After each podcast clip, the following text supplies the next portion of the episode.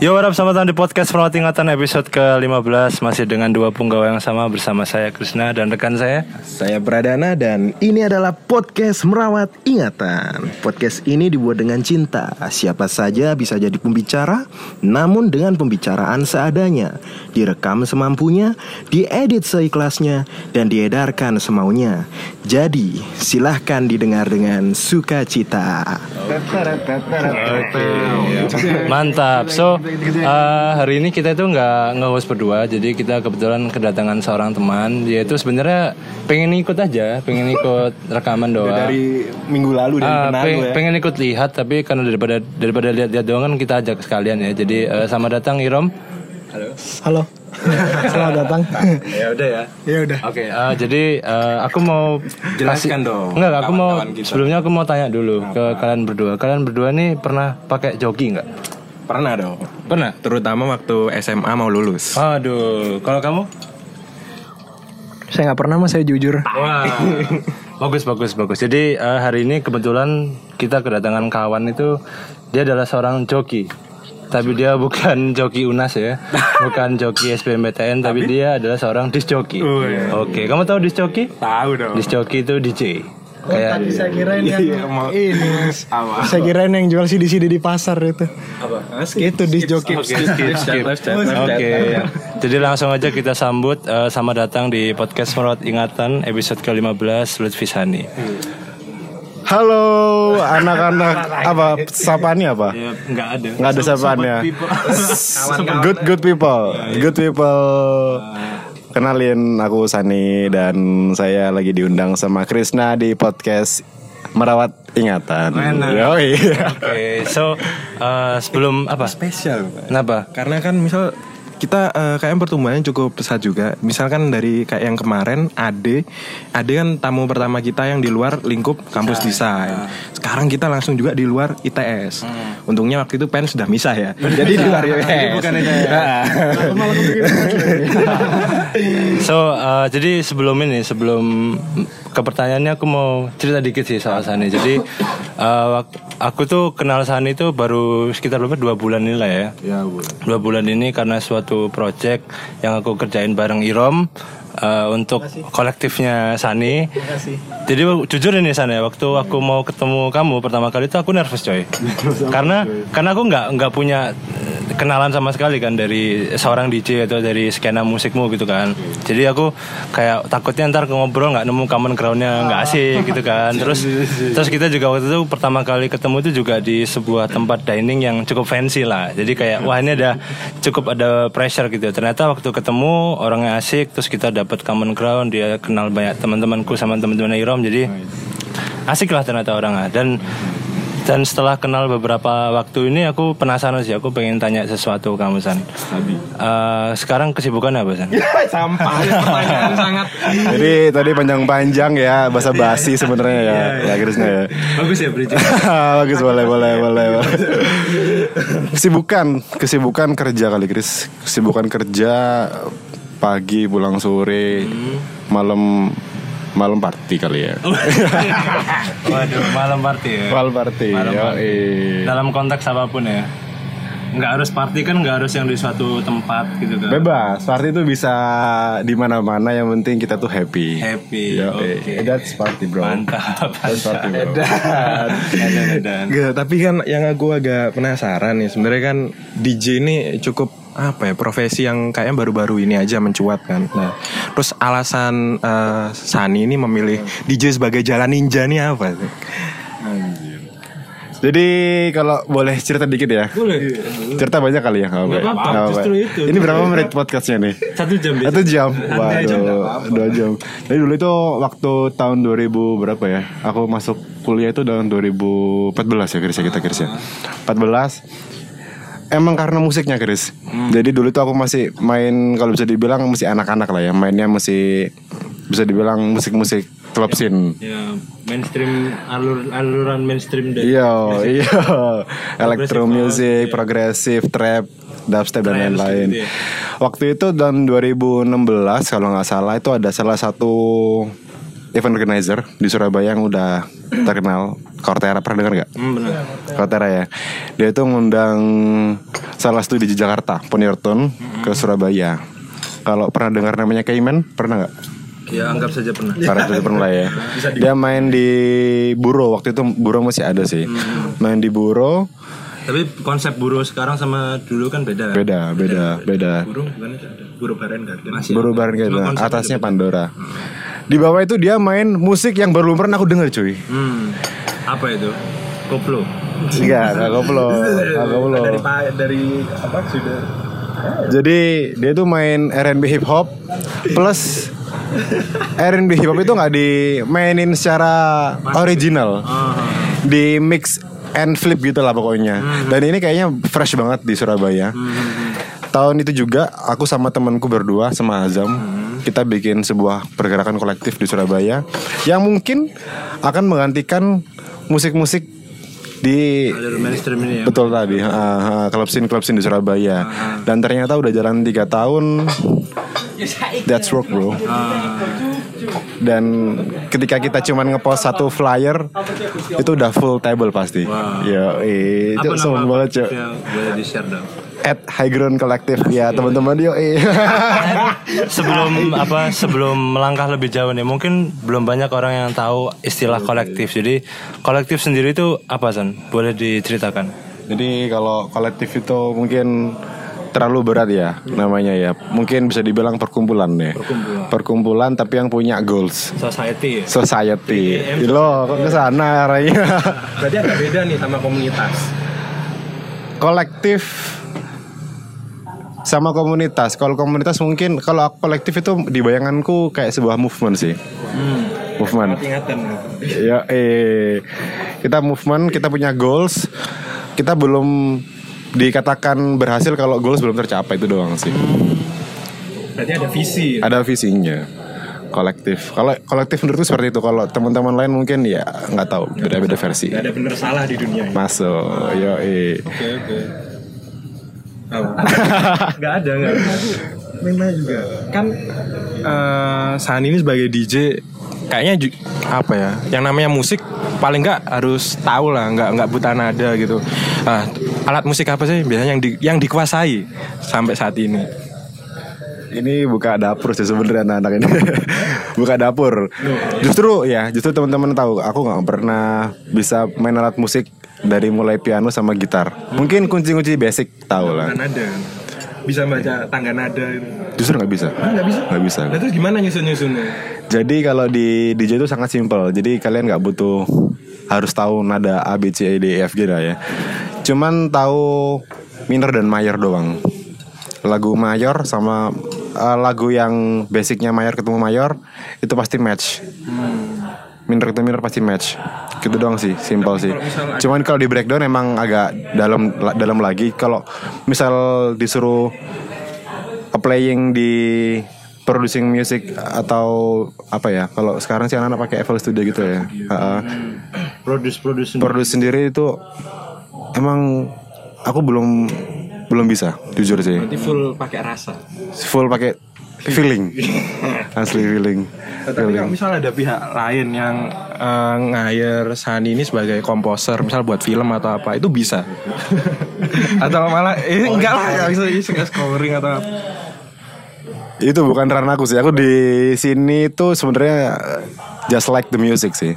Musiknya itu emang kalau diambil itu sarinya musik high ground itu mengadaptasi dari eh, apa ya culture di Brazil dan Amsterdam. Di Brazil itu namanya baile music. Di Amsterdam. Mantel itu? Nick Mantel itu? Kan records label ya? Records label. Boiler room gitu lah kali ya. sama juga kayak Boiler Room sama kayak Mix Max Labs dan lain-lain dan lain itu. Jadi mengadaptasi dari musik sa- sana. Kalau masuk ke scoring kan udah beda lagi ceritanya. Kita harus tahu film yang sedih ya gimana filmnya. Aku nggak into ke sana. beda-beda pasar juga Beda pasar juga, beda feeling juga. Ya gimana ya? Ini Ihrom lo, tanya no lah. Tanya apa? mau nanya Oh malah justru mana? Oh host ya, oh host ya. Oh gitu. dia nggak ditanyain di sini ya bang Enggak enggak punya pertanyaan. Mohon maaf nih ya. Kalau misalnya saya mengganggu ya. Gak. Assalamualaikum dulu dong. Assalamualaikum warahmatullahi wabarakatuh. Mas Hani nih mau nanya-nanya nih kan ya. Iya. Jadi. Jadi gini Mas sebenarnya Mas, saya kan sudah suka hip hop kan dari SD Mas sebenarnya. Ah, ah. dulu dikira siapa? Dulu saya itu Snoop Dogg Mas. Snoop Dogg. Ya osinya. Oh, Osi itu apa ya mas ya? Oh iya iya, mohon maaf tadi ada gangguan sedikit.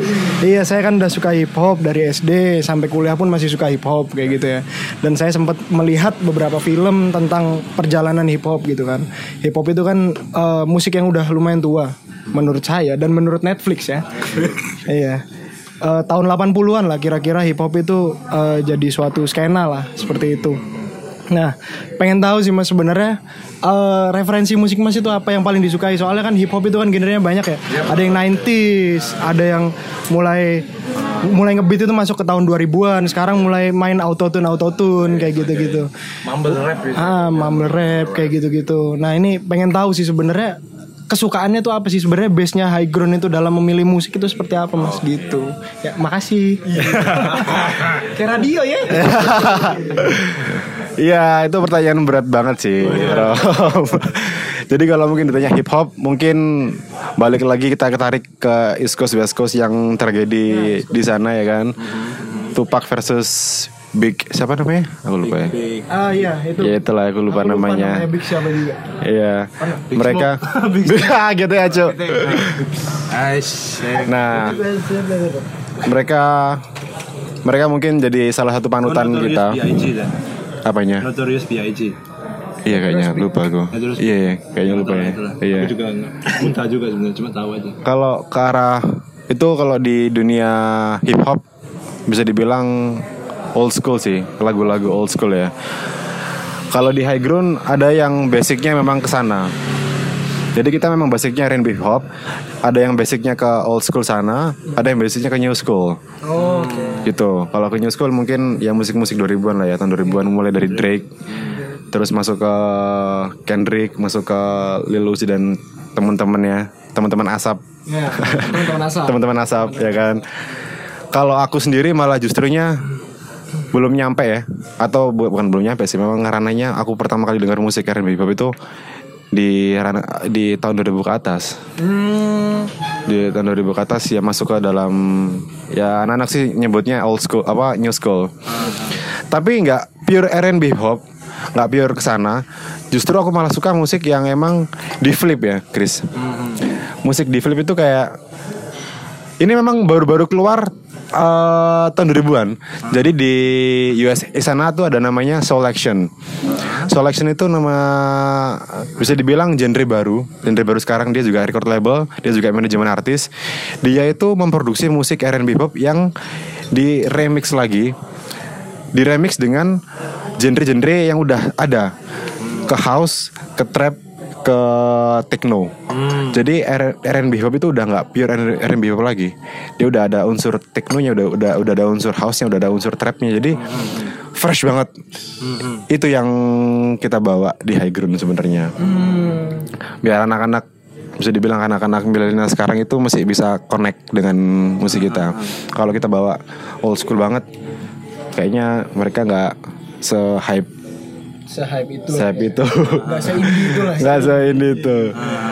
Terus kalau kamu sendiri kan kalau jadi DJ kan apa ya kayak pemahaman musiknya harus cukup kuat lah. Bagian kamu juga high groove sendiri kan dia fokus ke R&B hip hop kan. Terus kamu sendiri gimana sih caranya biar cari-cari tahu lagu-lagu gitu-gitu source-nya itu dari mana gitu. Kan kamu kan katanya nggak punya SoundCloud nih Spotify eh oh SoundCloud Spotify. Kan kamu nggak Spotify kan sekarang kan anak zaman sekarang kan Spotify banget. Kalau mau cari-cari lagu Spotify gitu kan. Nah, kalau kamu sendiri tuh gimana caranya diggingnya itu gimana? Kalau kalau aku lihat kayak DJ DJ yang old school kan dia main koleksi banyak koleksi plat gitu kan. Koleksi record. Nah, kalau kamu sendiri gimana Mas sebelumnya ini rokok 2000. Sabi, sabi, sabi. Rokok 2000 Mas. Bentar ya kita pause bentar ya, bentar ya, bentar ya, bentar, bentar. Kita dulu Mas ya. Ini sebentar ini ada mungkin ada sedikit iklan iklan, iklan dari saya.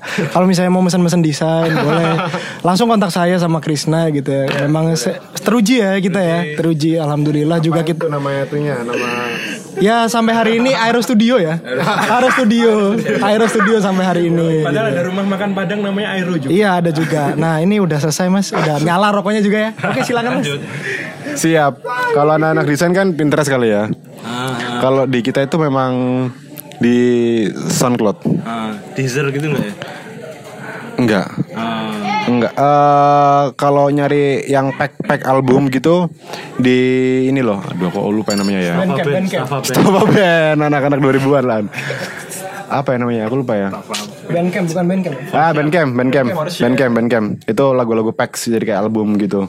Kalau di SoundCloud itu khusus musik-musik yang nggak ada di Mana pun. eh, platform mana pun. Di YouTube pun nggak ada. Jadi mereka itu bu- buatnya apa ya bisa dibilang ya kayak unreleased gitu loh. Di postnya di sana semua. Idealis lo sekali. Nah itu dia, itu dia. Kalau aku nggak punya Spotify emang Chris. Aku anak ini SoundCloud ya. Apple Music. Saya juga ada Apple. Yo, Spotify juga. Yo, enggak, tapi emang nggak se Udah cocok aja kali ya. Iya, udah digingannya udah di situ semua soalnya. Enggak, buka Spotify. Oke oke. Terus kalau soal copyright gimana San? Iya. Kan lagu itu kan lagunya orang gitu. Kalau kamu manggung gitu, apakah perlu izin dulu kan playlist lagu banyak nih. Nggak tahu juga. Biasanya kalau apa eh, Sani sendiri kalau manggung emang nyusun playlist dari musik-musik yang lagi ngetren atau emang ada juga yang secara apa inisiatif secara pribadi bikin mix sendiri nih. Misal dari suara-suara apa di mix jadiin satu yang wah seru kayak gitu Pertama soal copyright. Kalau di DJ itu bisa dibilang kita free copyright kalau kita lagi di atas panggung. Kita nggak ada. Apa memang culture-nya udah gitu? Emang udah gitu. Emang gitu ya? Udah gitu, udah gitu. Kayak boiler room selevel boiler room. Iya, juga. emang udah gitu. oke. Bisa dibilang malah justru DJ DJ terkenal mungkin kalau teman-teman pernah lihat di event-event gede DWP, Nah, DWP. ambillah Hari ini ya. hari ini ya kan, hari ini ya kan, yo DWP. DJ DJ gede. Kan ormas ya. Iya cuy Itu kayak Calvin Harris ya. Dia nyetel lagunya si Marshmello pun dia santai. Ah, Bebas. Yang kena copyright itu adalah yang ngerekam. Yang ngerekam eh Recordnya dia. Misalnya Calvin Harris main ya kan Di record dimasukin ke Youtube Itu harus ada copyrightnya. Um, ininya tape apa mixtape-nya. Betul. Kalau cuman off air di panggung Free copyright. Jadi nggak ada masalah Itu sih Tuh. Berarti kayak apa ya gentleman agreement gitu dia. Iya. heeh. Justru malah teman-teman malah kalau diputerin lagunya itu malah seneng sih Chris. Iya sih. Soalnya beberapa juga ya. benar soalnya beberapa DJ itu kayak nyantumin sedikit vokal chop gitu loh kayak misal aku ngasih nama Sunny di DJ ku ya. Sunny mixtape di, di tengah-tengah lagunya gitu. Jadi orang pun juga tahu apa itu tadi cuy. Apa sih cuy? Tikus tikus. Tikus. Iya, iya. Nah gitu. Terus tadi apa tadi? apa Lupa cuy. Biasanya kalau emang eh, manggung selain yang apa mixtape mixtape yang mungkin dari musisi-musisi lain apa juga eh, secara inisiatif atau Oke. dengan menyitakan Oke, seru-seru. Jadi kalau di DJ itu ada library ya di flash disk kan kita kan plug and play kan. Yo, Ketika gini-gini tuh apa? oh itu masuk ke teknis kali ya, ntar aja. Kalau secara general, ketika kita plug flash disknya itu tadi, itu udah ada library librarynya. Ada library ketika santuy, ketika eh, apa penetrasi, apanya? Apa enggak wes enggak. Oh genre baru ya. Genre baru. Dulu ada juga. Jadi kalau udah kan yang paling sulit kan ketika orang-orang duduk ke orang-orang yang berdiri dan joget di depan. Itu emang ada lagu library khusus jadi ada urutan lagu-lagunya yang udah keset lah ya. Gimana caranya orang duduk itu bisa berdiri, bisa joget, bisa nyanyi. Itu yang sebenarnya agak sulit. Jadi kita juga harus punya feeling ke situ. Makanya ada beberapa short lagu yang harus oh abis lagu ini lagu ini cocok nih. Abis lagu ini lagu ini cocok nih. Jadi DJ Gitu. harus bisa membaca suasana juga. betul malah justru tugasnya adalah itu. Kalau mixing lagu itu sebenarnya gampang banget sih. Justru tugas DJ DJ adalah baca suasana orang-orang gimana caranya ketika kamu main orang-orang ngikutin alur ngikutin alurnya. Itu sih yang agak PR Kenapa yang saya disebut? Oke oke. Itu ke- kalau misalkan teman-teman penasaran ya dengan eh, seperti apa sih eh, mix mixtape-nya Sani gitu bisa cek di SoundCloud 3 AM Society. Itu ada apa? Yearly mixtape ya. Ya ini aja yang di yang di high ground aja. Di ada, high ada ada. Itu cuman isinya tiga lagu doang sih. Lagu pertama itu mixtape-nya si Azam lagu kedua mixtape-nya si Montel lagu ketiga mixtape aku. Oke oke. nah itu Aku pernah dengerin sih yang mixtape-mu itu yang di 3 AM Society. nah itu gimana gimana? Aku kok malu. Maksudnya kayak jujur aku sebagai apa ya orang yang uh, menikmati juga musik dance music itu kan oh, aku baru tahu ternyata ada warna-warna musik seperti ini gitu loh. Ternyata di desain keren apa sih. namanya tuh Eh, apa ya? Eksperimen. saya belum lulus. Jangan tanya saya. Eksperimen mungkin ya. Cuma kayak wah ada ternyata ada warna-warna yang kayak seperti ini gitu. Maksudku sebagai orang yang awam juga di dunia ini kan ya aku taunya yang memang harus mainstream kan ya kayak progressive house kayak Avicii, Z gitu kan. Bukan berarti mereka buruk tapi emang mainstream ya much kayak mainstream gitu kan dan dan dan kayak ibaratnya kan aku dulu juga waktu dengerin musik-musik itu kan source-nya banyaknya dari Apple Music kan. Jadi waktu SMA itu aku di laptopku install iTunes juga. Jadi itu kan misalkan Avicii ngerus ngerilis lagu baru, oh ternyata ada yang radio edit, ada yang misalkan yang enggak radio edit. Jadi radio- radio edit itu yang aslinya lagunya itu bisa sampai 8 menit, 7 menit, jadi cuma 3 menit atau 4 menit. Jadi emang aku taunya emang yang harus harus mainstream seperti itu sih. Waktu aku dengerin mixtape-nya Sani ini ternyata wah ternyata ada ya yang itu kan itu eh, apa namanya year end playlist mungkin tadi ini ada, ada kali ya ntar aku update akhir tahun Wah, siap, siap, siap, siap, siap, ditunggu, ditunggu. Ada yang pengen tanya. Ya kembali lagi bersama saya. Assalamualaikum lagi. Assalamualaikum warahmatullahi wabarakatuh. Iya jadi ini mas, saya pengen nanya juga nih mas, Eh, mungkin agak OT dari musik ya. Eh, ya eh, oh lifestyle nah itu nanti malah Masih itu ada ya. itu ada nanti di wah di atas itu enggak juga Iya kan kita biasanya ada alurnya dulu baru yang ringan. Nah, balik ya. Iya. iya memang.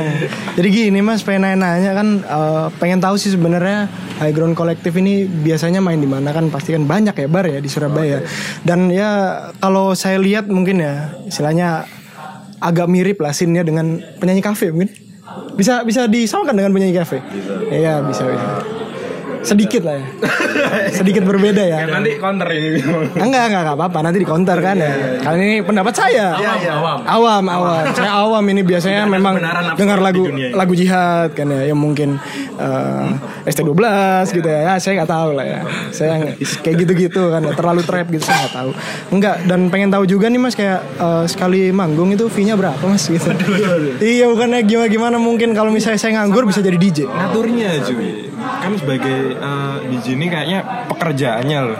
Kan nggak mesti ada manggung-manggungnya. Lah itu ngaturnya dalam satu bulan Iya. scheduling. Ya silakan Mas ya. Bisa dijawab mungkin. ya tadi apa tadi apa lupa coba Manggungnya biasanya di mana? oh di mana jadi gini sih kita emang Bridging.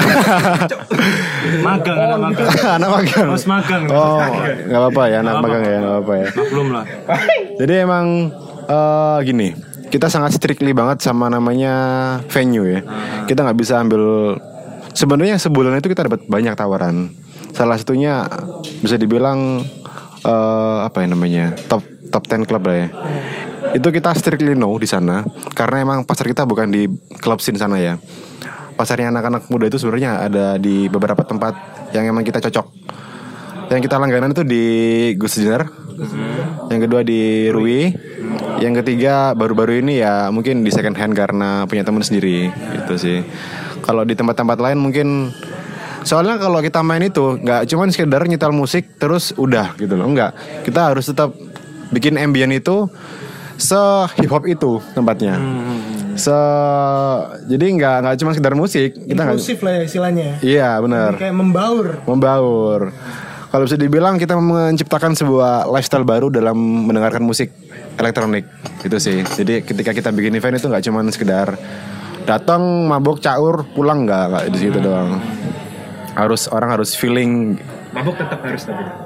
Ya itu juga Pilihan, pilihan. pilihan bebas bebas.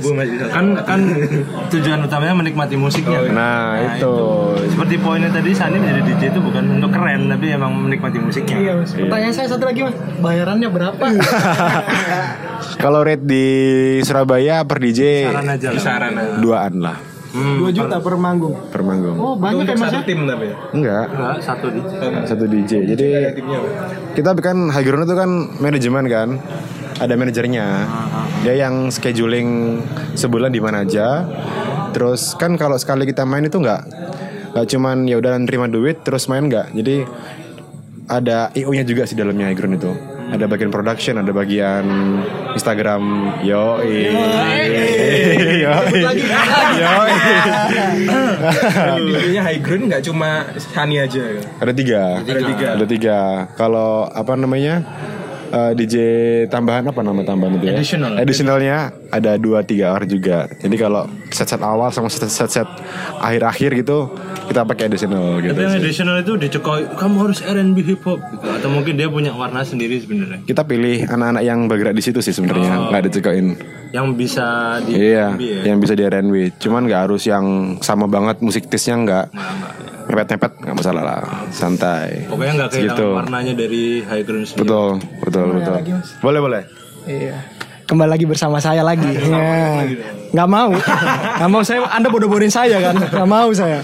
Jadi gini Mas ya. eh, pertama kali ketemu kan ya. Saya ini kan melihat Anda ini eh, ini DJ yang berbeda ya. Selama yang saya tahu gitu kan. Karena Kayak kita ketemu pakai batik kan. Iya pakai batik ya. Tapi yang lain pakai hoodie bos.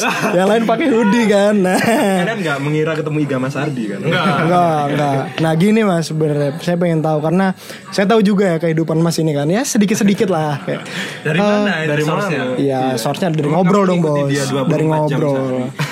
Jadi saya tahu kayak wah San ini memang orang yang strict lah sama uh, sama jalan hidupnya, sama prinsip hidupnya kayak oh dia masih denger dengar dakwah, dia masih open mind untuk masalah keagamaan seperti itu. Dia juga ya saya melihat sendiri yang saya nggak usah ceritakan detail ya, saya melihat sendiri dia juga oh sopan gitu, nggak nggak kayak orang yang ya caur-caur di klub seperti itu. Gitu. kan Ah, ah. image-mu aja yang Iya image saya. Saya kan pengen tahu Kenapa kok mas Kok bisa kayak gitu sih mas? Soalnya kan Melihat ah, Kontradiktif gitu loh. Saya kan dunia itu kan kayak Penuh dengan setan Jadi ya saya tahu lah Kayak gitu Monggo mas dijawab mas Aduh, aduh. Ini agak personal sih sebenarnya. Tapi santai aja kan kita ngobrol ya kan, santai. Jadi kita nggak tahu, kita nggak tahu setiap orang terjun ke dalam dunianya masing-masing itu karena apa. Basic aku terjun di dun- dunia musik itu emang karena pure musiknya doang. Nggak mas sampai masuk ke lifestyle-nya sebenarnya.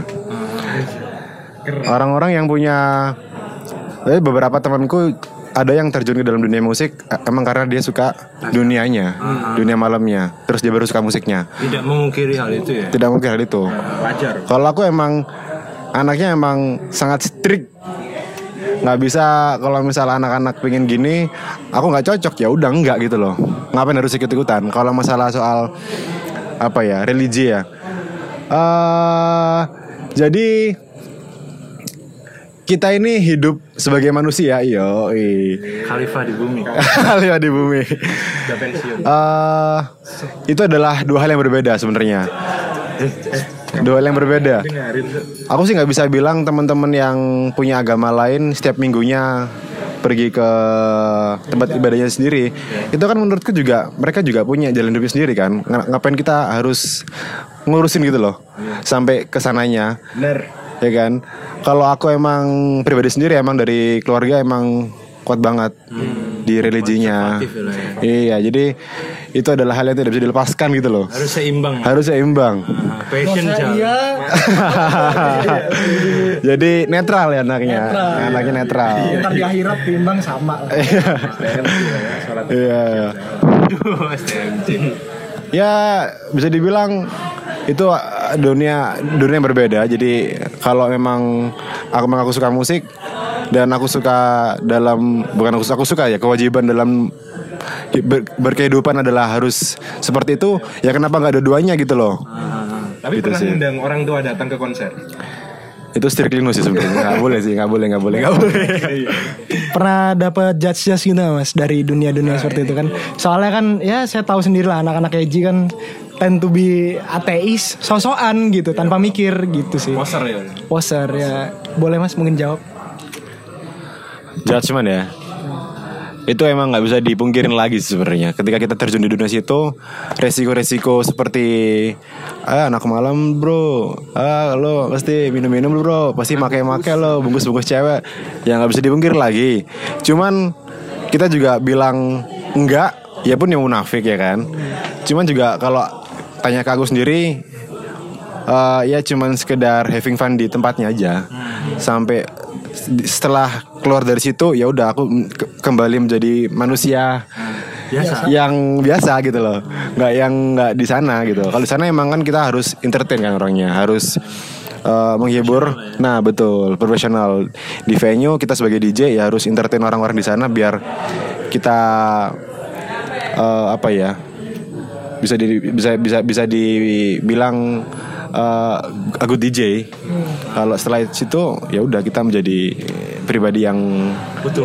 utuh, Ya kan karena emang manusiawi. harusnya gitu nggak sih? Kalau emang dia entertain, ketika dia tugasnya entertain, artinya dia kerjaan profesional kayak gitu. Tapi ketika dia kehidupan biasa ya punya cara sendiri gitu. Tapi emang orang tua tahu kalau kamu ada aktivitas gini sebagai seorang Kamu kayaknya kayak pengguna narkoba. gitu. Tapi orang tua tahu kamu pakai. enggak enggak. Maksudnya tahu nggak kamu punya aktivitas seperti ini gitu. Dan tanggapannya seperti apa? Eh, saya mohon mama papa jangan denger ya. Jadi dulu itu awal-awal pengen les DJ sebenarnya Chris di DSX. Ngomong, mah boleh nggak eh, les DJ gitu kan? Ini nggak uang apa UKT buat itu. Berapa? Berapa? Ya murah sih mas. Sebulan paling kayak bayar les-lesan di Primagama gitu loh. Gak boleh. Ntar kamu gini gini gini gini gini gini gini. Ya udah akhirnya beli alat sendiri. Kita belajar belajar sendiri di rumah gitu loh. Selama itu orang tua masih bolehin. Udah berjalan 2 tahun 3 tahun ya gimana ya bingung sih dilema sih aku bilang ketika main DJ di mana di di kafe ya udah ya bisa dibilang agak sedikit curi-curi. Iya sih. Ya bohong ya gimana. Manusiawi, manusiawi. Akhirnya sampai tahun 2019 kemarin ketahuan, Cuk. Iya, Cuk. Jadi waktu itu aku panggilnya Aba ya. Abaku punya Instagram, Cuk dia, Cuk. Bikin Instagram ya kan. Follow Instagramku, ngeliat story, cuy. Pulang-pulang, pulang-pulang dimarahin, cuy. Udah kayak kan bisa di hide story-nya itu. Nah itu nggak tahu tiba-tiba kayak ada nama nama apa itu kan? Senior story. Janjo fucked up gitu I'm dead. pulang-pulang ya udahlah. Akhirnya cerita apa adanya. Ya selama ini ya ya udah cuman gara-gara emang aku suka musiknya aja nggak sampai ke sana-sana bah udah sekarang kamu kerja aja? Kerja cuy. Sekarang cuy. Akhirnya berarti ini ya mas ya. Eh, bisa saya simpulkan kerja ini ya karena suruh orang tua lah ya. Untuk mengurangi aktivitas ya mungkin yang dibilang orang tua maksiat ya gitu. Ah. ya betul iya, iya. Tapi kalau aku kayak dengerin apa dengerin aku kemarin dengerin podcastnya narasi itu yang berapa dua bujang itu kan dia sama Ramen Girl itu loh. Oh ya. Terus dia Ramen Girl juga awalnya emang orang tuanya sih nggak nggak dibilang konservatif sih nggak sih cuma emang lebih kayak lu ngapain kamu jadi rapper gitu kan kamu kerja aja. kerja. Ah, ah, terus kayak ibaratnya si Ramen Girl itu kayak ya dia dia keep making music aja gitu apa yang dia suka. Cuma dia nggak menunjukkan warnanya dia sebagai seorang rapper gitu loh. Cuma waktu ketika perlahan-lahan namanya udah gede gitu kan dia mulai berani show off gitu kayak ini mah ini hasil kerja kerasku seperti ini gitu. Apakah kamu ada ada arah sana juga? Ada banget Chris. Ada banget, Chris. Tapi tidak untuk di Surabaya sih sebenarnya. Di Surabaya ini bisa dibilang eh, teman-teman entertain, bisa dibilang pelaku industri musik. emang kita agak sulit untuk bergerak secara independen. Hmm, hmm. karena emang Skananya nggak gede. skannya nggak besar. Dibesarin bisa cuman Takes time ya. iya takes time banget. Terus dan Surabaya ini adalah kota orang-orang yang bisa dibilang kota kota sibuk kota orang-orang kerja. Ya kan? Bukan kota wisata yang orang-orang Santai. santai dan uh, spend the money gitu loh.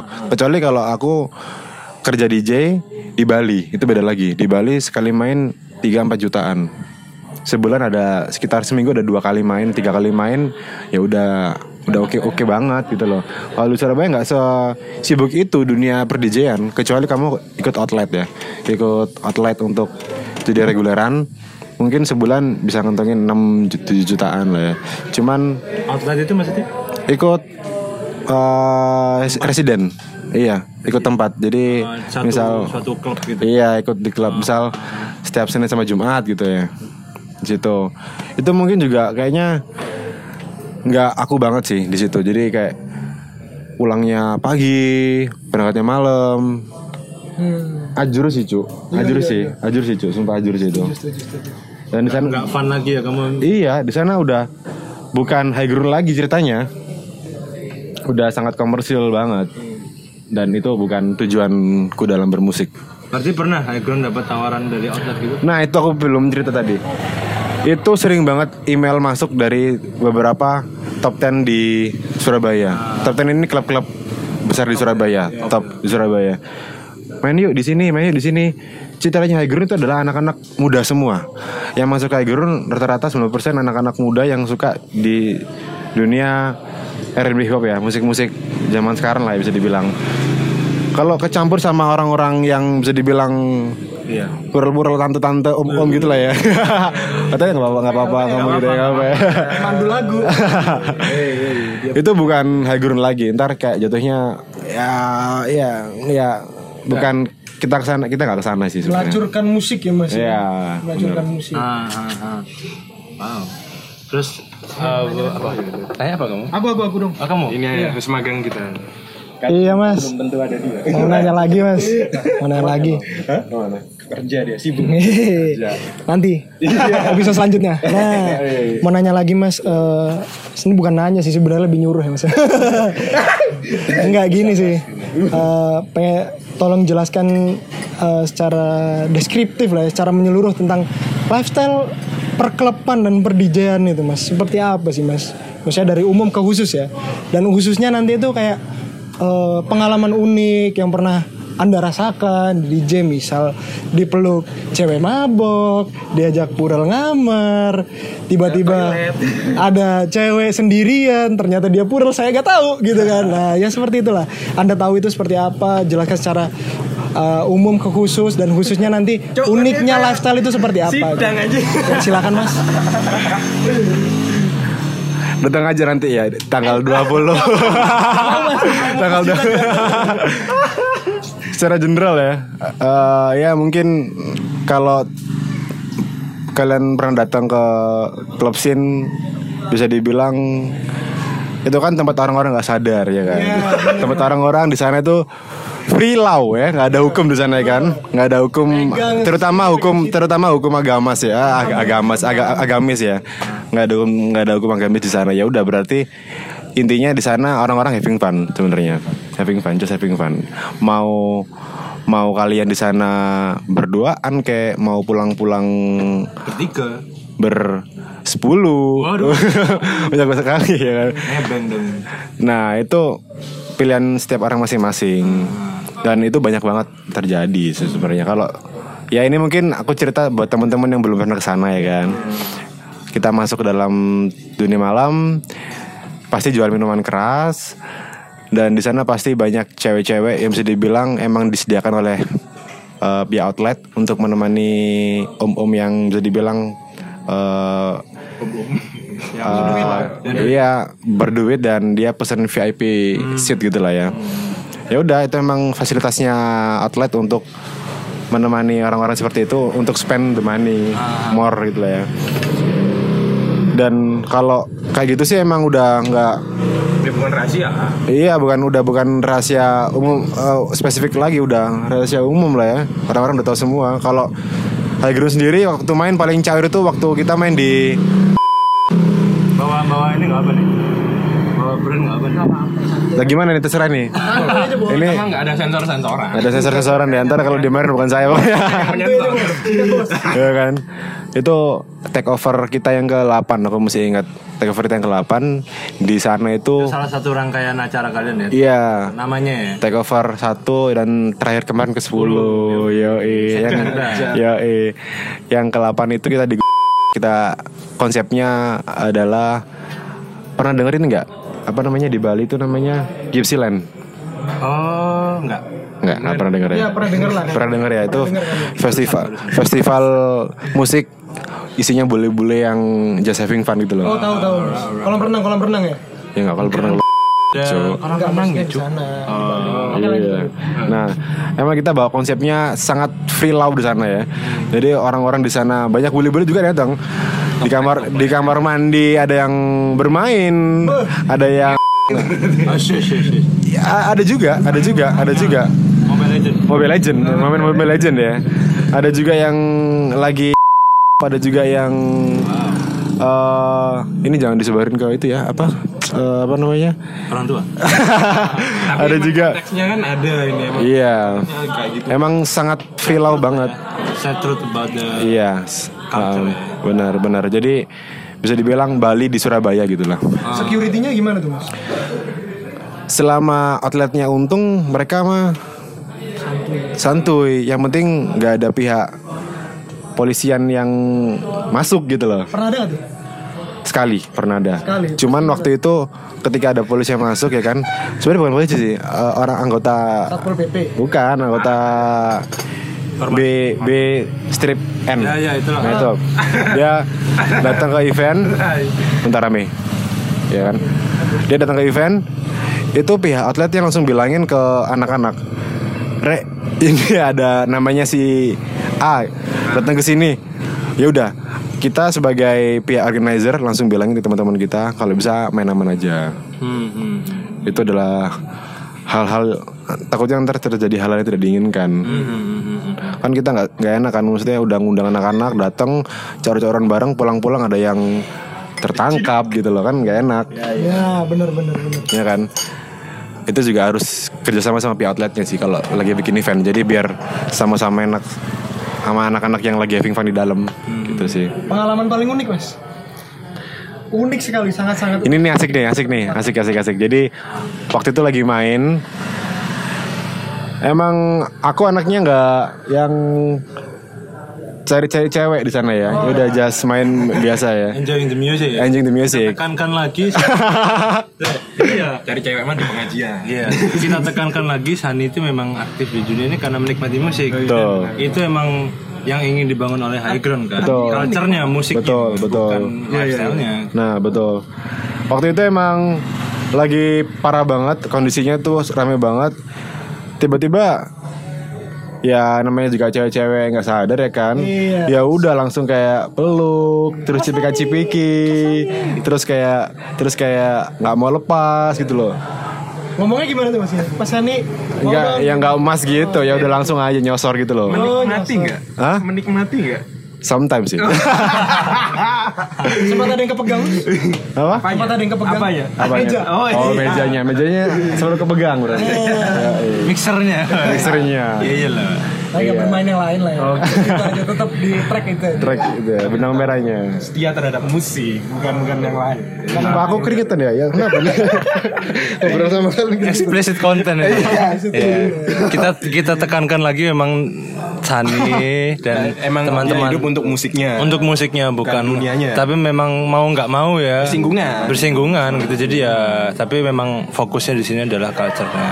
Nah terus ini nih aku mau tanya kan kalau di Indonesia sendiri kan orang awam sih. Kalau lihat DJ kan masih ah kayak orang mainin-mainin musik gitu kan. Jadi kalau aku lihat sendiri pun DJ DJ gede di Indonesia pun mainnya itu eventnya kayak tahu nggak sih kayak yang coloran coloran yang orang lari ditepungin warna-warni terus kayak ah pensi pensi terus kayak apa namanya apa namanya acara senam-senam pagi yang di ya?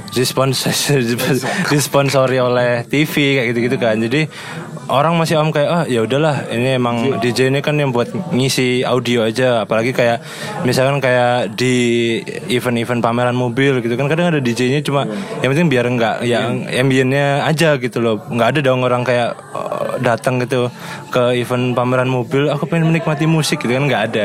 Pasti kan DJ-nya buat ambien doang. Lah kalau kamu sendiri gimana sih melihat hal itu tuh Kecenderungannya bukan pengisi acara utama gitu ya, bukan penyedot atensi utama gitu tah maksudnya atau gimana? Ah ya kayak gitu. Jadi kayak ibaratnya kayak orang di situ kan pasti nggak paham culture-nya gitu loh. Nggak nggak nggak into into the music sebenarnya cuma ya emang buat asik-asikan aja gitu untuk ngisi sebuah event aja gitu loh. Oke. Aku lupa ya tadi mau jawab apa ya? Tadi kamu kayak apa di awal tadi Chris? Ya kayak di Indonesia kan orang masih awam untuk ngeliat DJ itu kayak Oh gini ya, aku, aku ingat, aku ingat. Ini ini adalah filsafatnya High Ground ya. Jadi musik itu adalah musik. Instrumennya beda. Kenapa kok teman-teman lebih appreciate ketika ada band main di sebuah konser atau di sebuah panggung ketika eh, dibandingkan dengan seorang eh, musisi yang bermain di sebuah mixer. Mixer atau si DJ. Aha. Menurut kamu aku tanya dulu sih Chris. Menurut kamu eh, lebih musisi mana antara orang yang bermain di atas panggung dengan band set band dengan set DJ? Ya kalau- Selama ini, kalau orang sebagai orang awam, awam. ya kalau orang awam ya pasti yang ada alat musiknya dong. Oke. gitu-gitu. Nah, jadi ini adalah konsep yang sebenarnya ingin dibenarkan ya, yang aku ingin luruskan bahwa musik tetaplah musik. Musik tetaplah menjadi salah satu eh, apa ya? hal yang bisa melepaskan emosi gitu loh. Dan instrumennya aja yang beda sebenarnya. Ada instrumen band, ada juga instrumen elektronik atau bisa dibilang si DJ dan mixer ya. Jadi satu itu ketika kita bermain di CD dan mixer atau bisa dibilang DJ set, sebenarnya kita adalah musisi juga. Kita bermain musik, tapi yang berbeda adalah Alatnya. alat yang pertama, yang kedua adalah orang yang datang. Itu doang. Orang yang datang ketika kita main di sebuah uh, venue, orang yang datang itu emang bisa dibilang 50% mereka ingin mabok, mereka ingin caur, mereka ingin gini-gini. 50% lagi mereka ingin menikmati musiknya. Jadi aku nggak setuju kalau ada orang yang bilang DJ bukanlah musisi atau DJ bukanlah musisi yang sebenarnya musisi gitu loh. Kita sama-sama musisi, cuman berbeda alat instrumennya aja. Itu doang sih sebenarnya. Menarik, menarik, menarik. Kan tadi eh, kamu udah menyatakan statement bahwa DJ adalah musisi. Musisi berarti punya karya. Betul. Apa yang menginfluence kamu terhadap karya-karya kamu? Oke. Apa dan siapa? Oh ini referensi. Iya, yang menginfluence. Oh yang menginfluence aku ya. Kalau di Indonesia label ternama yang udah yang bikin aku terjun ke dalam musik ini ya On Your Tune dan juga Dela House.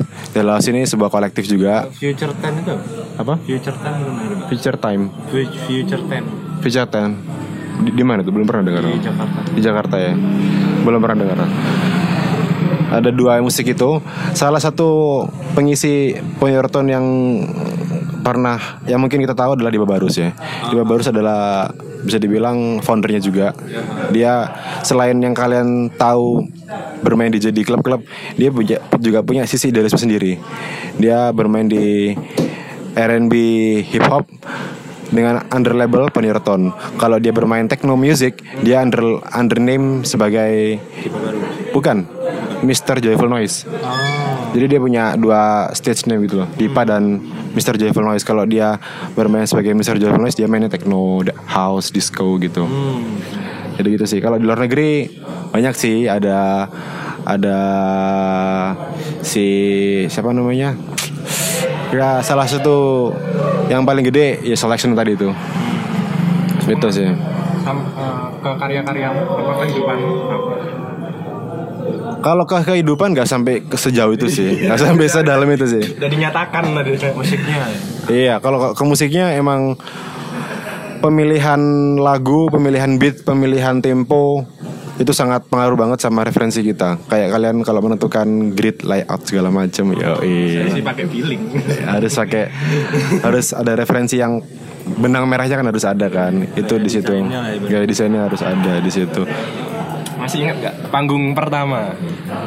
Ah, di kampus sendiri. Dibayar gak? Ah, konsumsi.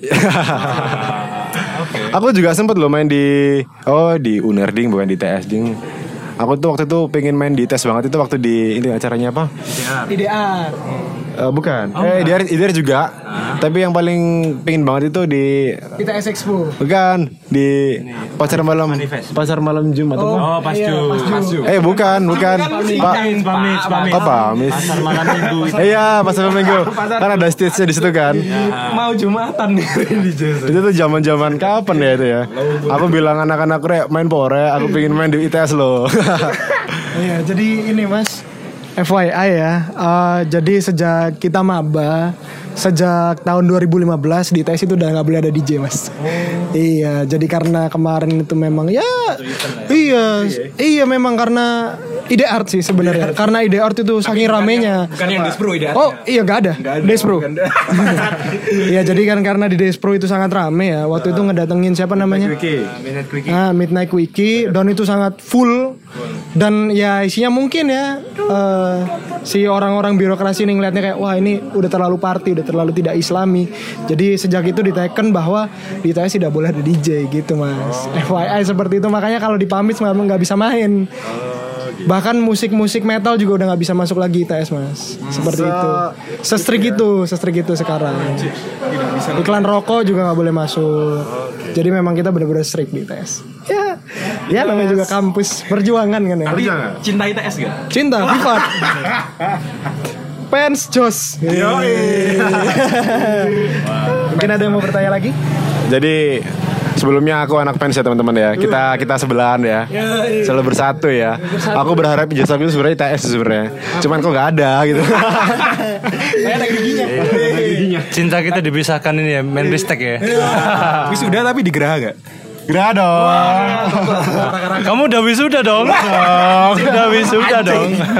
Teman kita belum wisuda nih, belum tahu diarak seperti apa rasanya Oh iya, gitu. panggung terbesar. Gimana? Oh, panggung terbesar. Di ini di Shiver Ground Jakarta. HSVR sorry, HSVR Ground. Itu apa namanya eh, produknya si Gudang Garam. Jadi kalau di DWP itu kan produknya Sampurna. Kalau HSVR Ground produknya Gudang Garam. Oke. Kalau Gudang Garam punya festival musik apa set band set gitu ya, namanya With The Fest. Kalau di Sampurna punya festival musik uh, set band gitu ya, namanya Sondrinalin. Iya, kok malah pengetahuan-pengetahuan seperti ini gitu. Oh, apa dong? Gak apa-apa ya, knowledge ya. apa ya kan aku eh, sempat juga entah riset entah stalking ya aku lihat di IG sampean IG-mu eh, kalau nggak salah ada foto di Sondrenalen Bali tak kira itu yang panggung terbesarnya atau gimana Oh itu bukan Sondre, itu DWP itu. oh DWP itu Wow. Pernah main dia, Be? Bukan main, cuman itu bantuin production doang DWP gitu. Tapi waktu itu kayak wah aku harus di stage ini nih suatu saat kan dilihat. For sure, for sure. Emang kalau kalau yang DJ di Indonesia itu apa sih pencapaian tertingginya kalau DJ Indonesia itu? Exposure. Exposure. Iya. Kalau panggung nggak ada ya? panggung kita di mana di mana aja cuman ya kan exposure kan kalau di Breakdown ada, ba- ada banyak tuh kan. Ada pernah di sini lagunya didengerin sama ini di repost sama media ini. Jadi ujung-ujungnya ya ke exposure. Karena itu yang mendatangkan uang juga ya. nah betul banget. Berarti enggak, Ads. misalnya berarti kayak misalkan mungkin kalau secara kan worldwide kayak aku pengen manggung di Tomorrowland atau misalkan di Ultra Music Festival. dulu sih sebenarnya pengennya arah ke sana. Cuman setelah ke sini kayaknya festival-festival itu hanya membawa apa ya M1 pindah keluar itu doang Oh, Oke. jadi sekarang udah Harusnya mainstream banget berarti ya. Iya. Jadi pernah aku pernah dua kali ke DWP dan sekali ke HSVR Ground itu persis banget kayak M1 di luar atau 360 pindah di outdoor tapi gede gitu aja. Udah gitu doang sih sebenarnya. Jadi nggak ada spesial spesialnya lagi, cuman nama doang aja yang keren. Hmm. Itu doang. Oke. Mau nanya lagi mas? Baik lagi ya ke personal ya. Kayaknya udah bosen ya. iya. Kita ini kita ini memang mainnya personal. Personal aja. Kulik aja. Kulik ya terus, gali terus. Jadi gini mas ya. An sampean ini kan sebagai DJ mas ya. DJ ini kan ya kita tahu juga kan image-nya itu nggak terlalu baik. Ya memang benar kan ya. Ada kesulitan nggak eh, untuk mencari pasangan, apalagi yang di pengajian atau yang berjilbab ya seperti itu mas. Karena eh, eh, saya kan memang bukan orang yang into di sana, cuma saya tahu ya. Dan saya tahu lah teman-teman saya kan tidak suka pacaran sama DJ soalnya kan takutnya oh bangsat jangan dia sering bungkus cewek jangan nggak mau saya. Nah, hatam alhamdulillah 30 jus eh jus 30 maksudnya. Iya, gitu Mas. Jadi saya mau nanya Mas, gimana ada kesulitan nggak ya Mas ya? Kira-kira karena karena aku pernah ini dapat cerita nih dari Sani. Waktu kita ketemu di Oku itu, bilang katanya aku tuh susah Chris cari cewek sejak sejak aku terakhir kali punya cewek. sejak SMA itu susah aku dapet cewek udah nggak pernah punya cewek lagi. Jadi nyokap bokap itu pengen dapetnya itu yang Baik lah. ya. baik-baik, anak baik-baik karena kan masa depan itu kan nggak cuman di umur-umur 25 doang kan, sampai ke atas-atas ya kan. Mungkin di umur-umur ini kita lagi labil-labilnya untuk eh, mencari jati diri lah intinya. Kalau kesulitan karena image seorang DJ emang makanya di Instagramku nggak yang sehektik itu fit Insta DJ-nya. yang berbau malam? Itu udah berbau malam dan story neon neon. dan story storynya pun nggak usah nggak usah pegang aja Aku pengen liatin. Oh ya udah. oh ya udah jadi dan story story pun nggak yang sebanyak itu kalau lagi main ya kan? Karena aku tetap ingin menjaga image, Netral ya. netral. Kalau ditunjukin banget ya gimana ya kita? Alay ya, Mas ya? ya alay juga sih sebenarnya. Cuman ada juga yang emang dia pengen show off. Karena emang dia udah bodo amat sama hal di luar DJ. Kalau aku masih respect kayak ada teman kantor, ada ada beberapa eh ya bisa dibilang orang-orang yang berkepentingan. Ah, takutnya ntar saat ini anaknya gini gini gini dan bisa merugikan aku sendiri gitu loh. Itu juga aku sangat respon juga. Jadi sangat menjaga Instagramku ini tetap bisa dibilang netral lah ya. Sekali-sekali boleh tapi lain sisinya kita harus tetap kalau cari cewek emang sulit anjing apa, apa obstacle emang kalau dapet cewek itu? Selama ini, setelah aktif di menjadi DJ ini apa? Kita bawa nama DJ Ah, udah negatif thinking sih itu doang sih jadi ah ini pasti anak-anak ah, brengsek Wah, negalnya gimana? Misal datang ke rumah ceweknya, kamu kerjanya apa DJ? Ah, tidak gimana? Oh iya kayak gitu juga. ya kan makanya udah mulai mengurangi eh, kegiatan DJ juga untuk mendapatkan ya jodoh, jodoh jodoh jodoh yang emang orang baik akan bertemu dengan orang baik itu sih tapi pernah coba cari cewek yang paham dengan skena musikmu? Kalau kalau misalkan kamu kan cari yang pasti kalau yang susah berarti kan cari yang orang yang nggak paham dengan skenamu sekarang kan. Kenapa nggak coba cari yang paham aja dengan skenamu? Tapi Ada. tetap berusaha netral gitu. ada anak anak yang emang udah Siapa namanya? Spill the name. Iya, jangan jangan jangan bahaya bahaya bahaya. Instagramnya deh. Iya, tambah di add. GT. Eh, itu anda tadi. Iya. Apa tadi cow lupa? Ah iya.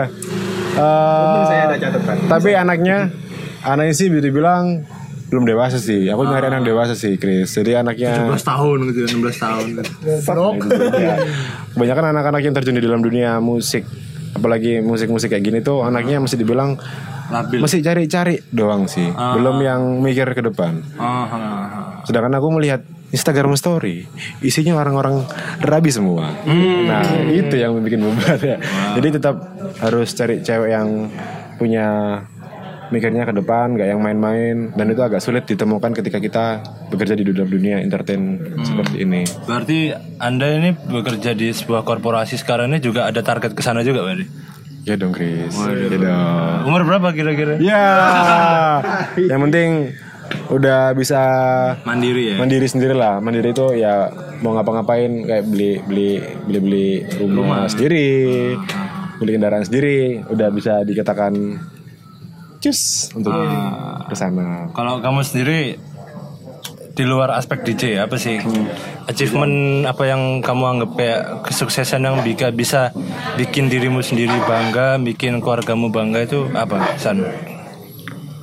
Em, apa nih? Maksudnya aku sekarang kerja di mana gitu atau gimana? Enggak, maksudnya achievement apa sih yang pengen kamu sam- sampai tapi yang bisa membanggakan dirimu sendiri dan Oh, orang oke. tuamu dan keluargamu gitu apa? Eh, berat ya, berat-berat Chris. Berusaha dong tadi kan ngomongin soal Eh, scene terus kita ngomong- Sampah-sampah lah ya. Kalau achieveku sekarang apa ya? Jadi sekarang aku kan lagi aktif dalam sebuah korporasi, dalam di sebuah PT yang bergerak dalam bidang bisa dibilang ekspor impor dan juga direct selling. Di situ beberapa anggotanya itu emang bisa dibilang udah baby oh, bukan apa ya baby baby boomer saya orang-orang tua semua dan sementara itu orang-orang barunya anak-anak mudanya belum ada achievementku adalah gimana caranya menjadi seorang eh, pemimpin di situ. Dan bisa ngontrol. Sebenarnya sih achievementku tuh malah pengen jadi ini ya eh apa namanya orang yang punya kepentingan di negara ini. Wow, oke. Presiden. Gitu. mungkin? Iya sometimes lah ya. Mungkin ya. mungkin lah ya. Jadi soalnya gini sih kalau kita udah punya uang banyak ya kan kita udah punya uang banyak apa coba yang akan mau kita lakukan kalau nggak nama kita dibanggakan dengan orang-orang di sekitar kita Ya. percuma kita punya uang banyak cuman orang orang nggak aware sama kita. Ah. punya uang banyak makanya kenapa orang orang-orang sekarang or- bisa dibilang orang berduit mereka banyak jadi ya aku nggak ngejat sih banyak jadi pejabat. Mungkin mereka mencari suara sih sebenarnya mencari exposure lah ya. Mungkin salah satu tujuanku adalah ke sana. Aku punya ide sendiri aku punya taste sendiri dalam dalam dalam apa ya dalam ber eh, bersosialisasi dan membangun sebuah eh nggak jauh banget sih obrolannya Chris.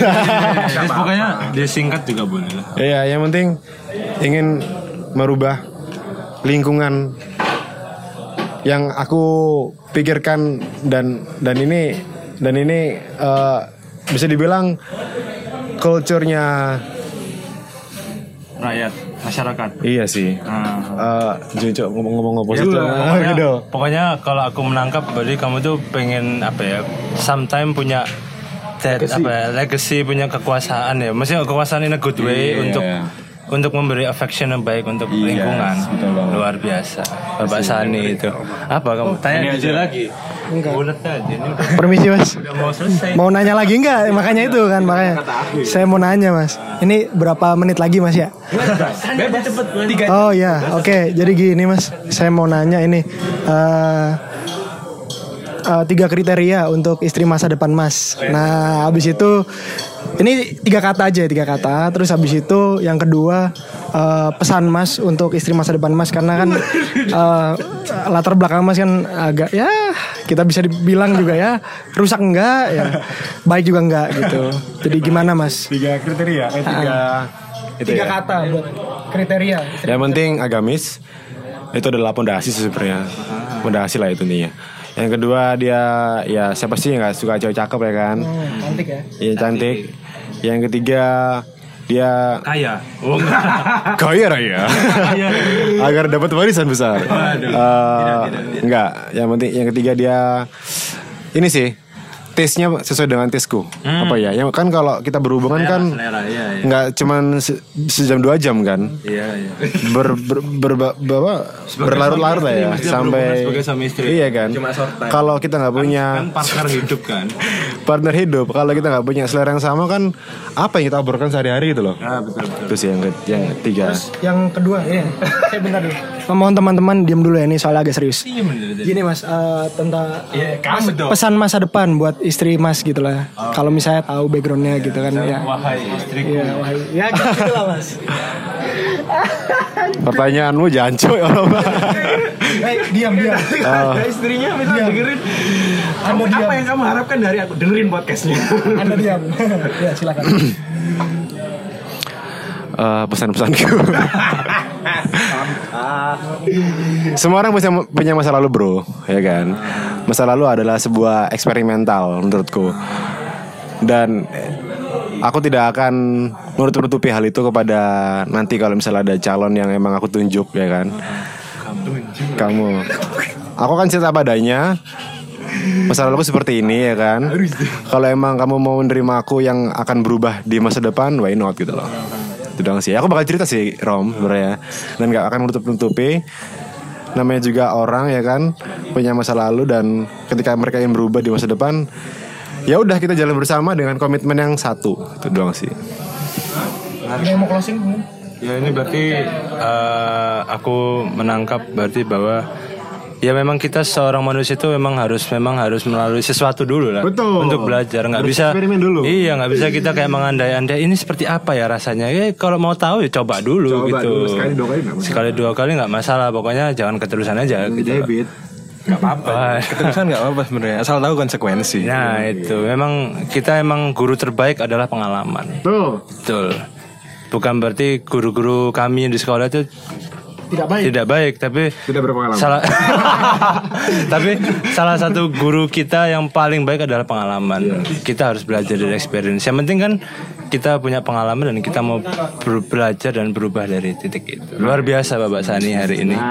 Ini ada tiga apa? Mungkin mau nyaranin tiga inilah tiga judul lagu yang mungkin teman-teman mau dengerin yang kamu akhir-akhir ini lagi banyak dengerin gitu. Judul lagunya? Pernah dengerin lagu judul lagunya nggak ada yang bener. Jadi jadi bisa dibilang lagu di dunia. Nah balik lagi. Iya. Singkat Lagi- aja, singkat. singkat ya. Eh, tiga judul lagu. Bebas lagu apa aja. Mesti yang atau tolong ini nih Mac Miller Congratulations itu enak banget sih kalau lagi malam-malam ya kan. Sadu Sadu Mac Miller Congratulations almarhum ya? Almarhum Mac Miller terus kalau yang nggak tahu kedua itu mantannya siapa? siapa Ariana Grande aku nggak gitu iya cuy oh, gitu. Miller itu oh, mantannya ya? Ariana Grande Karena Grande? Iya. Oke. Yang kedua lagunya Rich Brian yang ini 100, 100 degrees No, so mainstream. Si, si yang mana ya? Oh mainstream ya? Keren yang mainstream itu yang I don't give a fuck Iya. Motherfucking Wait. oh. Di sini ada Rich Brian The Seller ya. Yang konfeti. Itu enak banget sih konfeti. Konfeti. Yang kedua, yang ketiga ini gara-gara orang kantor sih ya Gara-gara orang kantor kan lagu-lagu dangdut ya kan Ya kan apa bukan yang itu? Nah, lagu-lagu sampah lah ya. Jadi setiap hari kedengeran terus jadi hafal coba coba. Iya sih. Ya mungkin gak Kalau aku yang ketiga mungkin si Tupak ya. Semua Orang kantor dengerin Tupac ya? Itu anak-anak underground ya. Anak-anak Memang baby boomers kan baby boomers. kan Eh, iya, awas. benar benar benar. Dengerinnya Tupac Shakur tuh. Tupak Syakur. Keren banget nih orang kantor nih Ada juga ya banyak sih kalau lagu. Cuman tiga lagu tadi tuh tadi. Apa aja tadi? Eh, Mac Miller Mac Miller Congratulations, Congratulations Rich Brian Confetti, Sama Tupac Shakur. Tupak Syakur yang Redemption. Tupac Shakur dan Redemption. Iya, iya. Mungkin konklusi Konklusi ya udah tadi itu Pokoknya Apa musik enak ya enak aja. Nggak perlu ada alasan gitu loh. Nggak perlu ada alasan. Terus memang itu lagi kita kembali lagi memang semua orang itu harus true thing gitu loh untuk experience sesuatu. Dan yang penting kalau itu kita harus belajar dari itu. Jadi kita harus berusaha. penutupan legendaris. Mungkin yang eh, kan udah lewat oh enggak berarti Bocor, jangan jangan. enggak masalah sih aku sih terserah mau mau berapa jam Ya wis terserah deh. mengikuti Ini aja sih. kan leadnya kamu Eh, kayak pengalaman kamu semua menarik gak sih? Apa? Ada ada pengalaman menarik gak selama kuliah? Ada. Apa apa satu momen yang kamu fans bagi jasa pens buat hidupmu sampai sekarang? Singkat aja, singkat. Iya. Pens itu mengajarkanku berkehidupan sederhana dan keagamisan. Udah itu aja sih. Oke. Jadi kenapa aku nggak keluar dari track gara-gara di pens. Oke. kasih fans Oke, terima kasih Pens. Aku cinta Pens. Oke, ya udah eh, cukup sekian ya. Oke, kalau gitu. Boleh? Terakhir, terakhir, terakhir. Apa, Bang? Apa? Jadi gini, Quotes, quotes. kalian boleh mencoba hal-hal baru, bereksperimen hal-hal baru sesuai dengan apa yang kalian mau. Cuman satu, kalian harus punya basic prinsip yang nggak boleh keluar dari tracknya. Ah, itu doang. Itu yang akan balikin kamu ke Yes. your true self ya. Yes, bener banget. Jangan sampai kalian keluar dari track benang merah kehidupan kalian sehingga kalian bukan menjadi kalian yang seutuhnya. Oke, luar biasa. Itu closing statement yang luar biasa dari Lutfi Sani. Oke, kalau gitu terima kasih buat semua teman-teman yang udah dengerin. Eh, jangan lupa follow kita di Spotify dan juga di Apple Podcast. Dan kita juga eh, kita sudah merilis sebenarnya ya eh, Instagram. Mari Kita bisa kalian follow di @merawatpodcast. Tapi memang belum ada kontennya. Tapi follow aja dulu. Follow aja dulu nanti kalian akan ada update-update terbaru dari kami. Kalau gitu eh, cukup sekian dari kita eh, sampai jumpa di episode ke-16 eh, Ini udah oke. 15. Udah 15 ini, Bro. Saya nggak tahu. Oke, sampai jumpa di episode 16. Eh, dadah. Oh iya. Congratulations. Oke, selamat. Terima kasih Sani, terima kasih. Terima kasih Rom. Enggak.